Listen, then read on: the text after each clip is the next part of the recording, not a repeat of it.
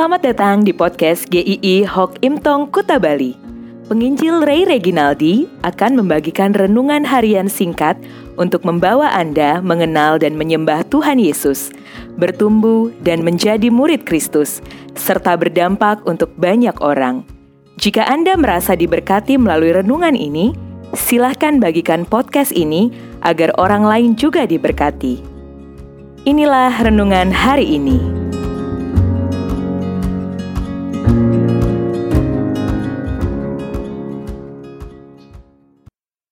Tidak mengecewakan. Ibrani 6 ayat 19 dan 20. Pengharapan itu adalah sauh yang kuat dan aman bagi jiwa kita, yang telah dilabuhkan sampai ke belakang tabir, di mana Yesus telah masuk sebagai perintis bagi kita, ketika ia menurut peraturan Melkisedek menjadi imam besar sampai selama-lamanya. Pengharapan di dalam Tuhan tidak mengecewakan Tentu sebagai orang Kristen, Anda tidak asing dengan kalimat ini.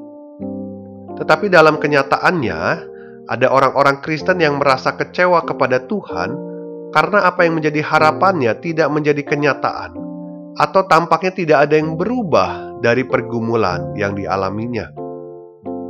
Mungkin ada juga yang berpikir bahwa pengharapannya kepada Tuhan terlalu berlebihan kali ya. Padahal Tuhan itu ada batasnya, Benarkah seperti itu? Kalau begitu, bisakah kita katakan bahwa pengharapan di dalam Tuhan ada kalanya mengecewakan? Atau jangan-jangan justru kita yang mempunyai pengharapan yang tidak tepat? Jika kita membaca Ibrani 6 ayat 19 dan 20 ini, kita akan temukan bahwa Tuhan itu penepat janji, bukan pengingkar janji. Saat Allah berjanji, Dia tidak pernah menarik kembali perkataannya dan tidak akan mungkin mengingkarinya. Juga apa yang dijanjikan itu pasti baik dan bukan mencelakakan. Contohnya adalah Ibrani 6 ayat ke-15. Abraham menanti dengan sabar dan dengan demikian ia memperoleh apa yang dijanjikan kepadanya. Sebenarnya lebih tepat terjemahannya seperti ini.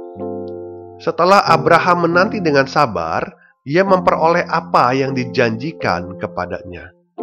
Jadi, bukan karena kesabaran Abraham baru dia diberikan apa yang dijanjikan, tetapi janji Tuhan itu pasti ditepati, dan Abraham menantikan sekalipun waktunya panjang.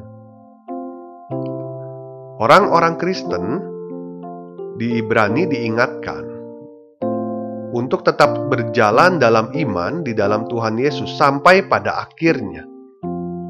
Meskipun tidak tahu kesulitan yang mereka alami sampai kapan. Tetapi yang pasti ujungnya sudah menanti pengharapan terbesar, yaitu hidup kekal bersama Tuhan Yesus. Kadangkala ada orang Kristen yang berkata, Ya, saya nggak tahu nanti hidupnya ke mana akhirnya.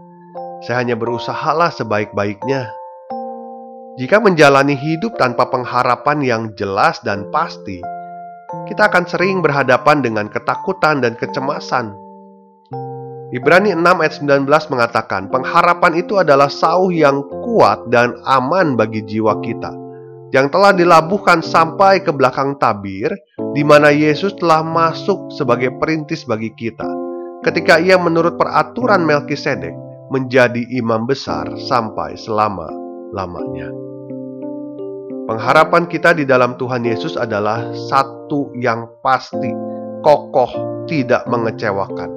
Kata kuat di sini bisa diterjemahkan unshakable, tidak bisa digoyahkan oleh apa pun dan siapa pun, termasuk diri kita sendiri.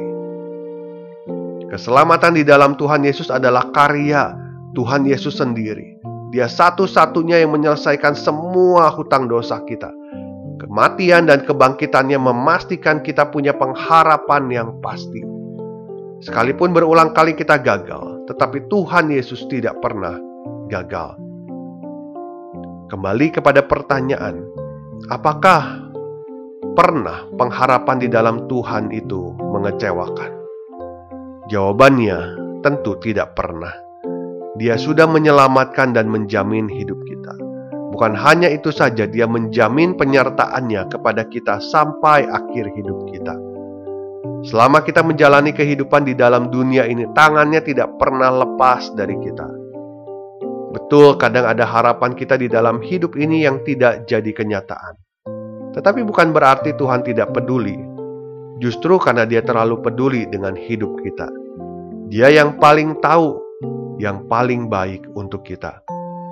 Untuk Anda yang berpikir hari ini, saya tidak punya pengharapan lagi dalam hidup ini.